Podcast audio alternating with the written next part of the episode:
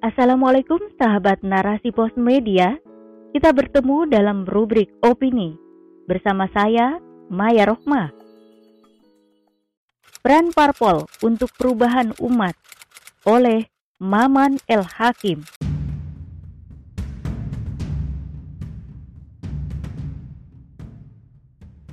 Politik itu kotor, politik itu binasa. Politik adalah jalan untuk meraih kekuasaan jika masuk dalam area politik, tandanya hidup dalam keduniaan minus nilai keakhiratan. Siapa pun mau tidak mau harus bermandi lumpur maksiat dengan tipu muslihat demi kepentingan duniawi yang sesaat. Maka, berlaku adagium tidak ada kawan atau lawan yang abadi, yang ada hanya kepentingan. Siapa kawan atau lawan tidak bisa dilihat dari apa ideologinya, melainkan apa kepentingannya. Partai hijau bisa berkoalisi dengan partai kuning, namun pada lain waktu, partai hijau pun bermesraan dengan partai biru, bahkan merah. Demikianlah politik dalam demokrasi, bagaikan lampu lalu lintas, meskipun nyalanya bergantian, namun masih dalam satu bingkai aturan. Dinamika pelacuran politik dalam sistem sekularisme memang seperti itu. Idealisme tidak menjadi acuan kualitas hadirnya sebuah partai, bukan pula primadona pilihan masyarakat. Jika sudah masuk parlemen, apa pun partainya tidak akan mampu menunjukkan jati diri, apalagi konsistensinya dalam memperjuangkan kepentingan umat. Tidak mengherankan, sesalih apa pun partainya, jika masuk dalam perangkap demokrasi akan terjerembab pada perilaku maksiat. Jika tidak mau mati kutu, bahkan mati beneran. Bercermin dari kenyataan seperti itu, wajar jika sistem demokrasi yang lahir dari induk sekularisme dan kapitalisme sebagai ayah yang menafkahi aktivitas politiknya tidak akan pernah melakukan perubahan bagi perbaikan umat secara ikhlas dan menyeluruh. Yang terjadi rutin lima tahunan adalah perubahan tambal sulam. Partai politik harus pandai-pandai menggait investor untuk bisa meraih kekuasaan. Sementara itu, kekuasaan yang dimenangkan parpol suara terbanyak akan membuat aturan bagaimana parpol yang seolah bersaing bisa mendukung misi yang dipesan oleh oligarki yang berada di belakangnya. Kehadiran partai politik yang bermain pada kontestasi pemilihan umum sejatinya hanyalah dagelan, karena siapa pun pemenangnya akan masuk pada rumah yang sama, yaitu rumah kapitalisme. Inilah gambaran nyata betapa sempit dan kotornya makna politik tanpa melihat hukum halal dan haramnya. Karena dalam kapitalisme, halal dan haram itu urusan agama yang tidak boleh dibawa dalam urusan kekuasaan.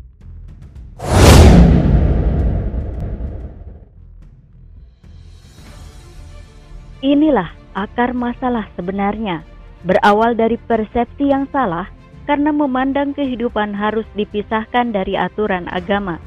Padahal, Islam sebagai agama yang sempurna, kehadirannya memberikan pencerahan tentang makna politik bukan sekadar alat meraih kekuasaan. Ajaran Islam bukan semata-mata konsep spiritual, melainkan juga memiliki konsep dalam pengaturan urusan masyarakat. Di sinilah makna politik itu, yaitu pengaturan segala urusan masyarakat dengan aturan dari yang memiliki hak membuat aturan itu sendiri, yakni Allah Subhanahu wa Ta'ala. Dengan demikian, Politik itu sejatinya aktivitas mulia dan agung karena menyangkut keyakinan atau akidah dan aturan hidup atau nizam yang harus terrealisasikan dalam kehidupan.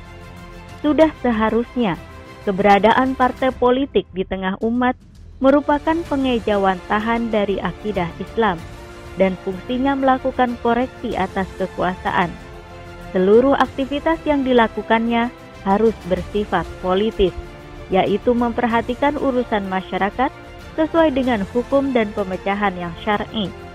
Sebab Politik adalah mengatur dan memelihara urusan masyarakat sesuai dengan hukum-hukum dan pemecahan Islam. Syekh Taqiyuddin An-Nabani dalam kitab At-Takatul Al-Hizbi dan At-Takrif memberikan gambaran tentang aktivitas yang seharusnya dilakukan sebuah partai politik yang berakidahkan Islam. Aktivitas parpol harus tergambar jelas dalam mendidik dan membina umat dengan sakofah Islam meleburkannya dengan Islam, membebaskannya dari akidah yang rusak, pemikiran yang salah, serta dari persepsi yang keliru, sekaligus membebaskannya dari pengaruh ide-ide dan pandangan yang tidak islami. Aktivitas politik ini tampak juga dalam aspek pergolakan pemikiran atau siro'ul fikri dan perjuangan politik atau kifahus siasi Pergolakan pemikiran terlihat dalam penentangannya terhadap ide-ide dan aturan-aturan sekuler. Begitu pula dalam penentangannya terhadap ide-ide yang salah, akidah yang rusak, atau pemahaman yang keliru dengan cara menjelaskan kerusakannya, menampakkan kekeliruannya, disertai dengan penjelasan mengenai ketentuan hukum Islam dalam masalah tersebut. Sedangkan perjuangan politiknya terlihat jelas dalam kritiknya terhadap para penguasa, mengungkapkan konspirasi jahat mereka terhadap umat, melakukan kontrol dan koreksi terhadap mereka, serta berusaha menggantinya apabila hak-hak umat dilanggar atau tidak menjalankan kewajibannya terhadap umat, atau jika mereka melalaikan salah satu urusan umat, atau mereka menyalahi hukum-hukum Islam. Jadi, aktivitas parpol itu dalam melakukan perubahan di tengah umat tidak bersifat akademik ataupun sosial. Partai politik bukanlah sekolahan. Seruannya bukan berbentuk nasihat-nasihat dan petunjuk-petunjuk yang menjenuhkan dan kering. Aktivitasnya bersifat politik dengan cara mengungkapkan fikroh-fikroh Islam beserta hukum-hukumnya untuk dilaksanakan diemban dan diwujudkan dalam kenyataan hidup bermasyarakat dan bernegara. Partai politik sejatinya adalah wadah untuk melakukan aktivitas dakwah yang mulia menuju penerapan Islam yang kafah, menyadarkan masyarakat tentang aturan hidup yang dilandasi pemikiran akidah yang benar, sehingga akidah Islam menjadi dasar negara, dasar konstitusi, dan perundang-undangan karena akidah Islam tidak lain adalah akidah yang dibangun dari pemikiran menyeluruh tentang manusia, hidup, dan alam semesta. Itulah akidah akliyah dan akidah sia-sia yang melahirkan aturan yang dapat memecahkan problematika manusia secara keseluruhan, baik di bidang politik, ekonomi, pendidikan, sosial kemasyarakatan, dan lain-lain.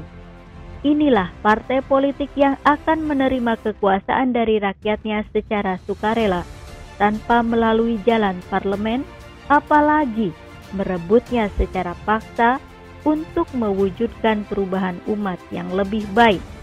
Wallahu a'lam bishawab.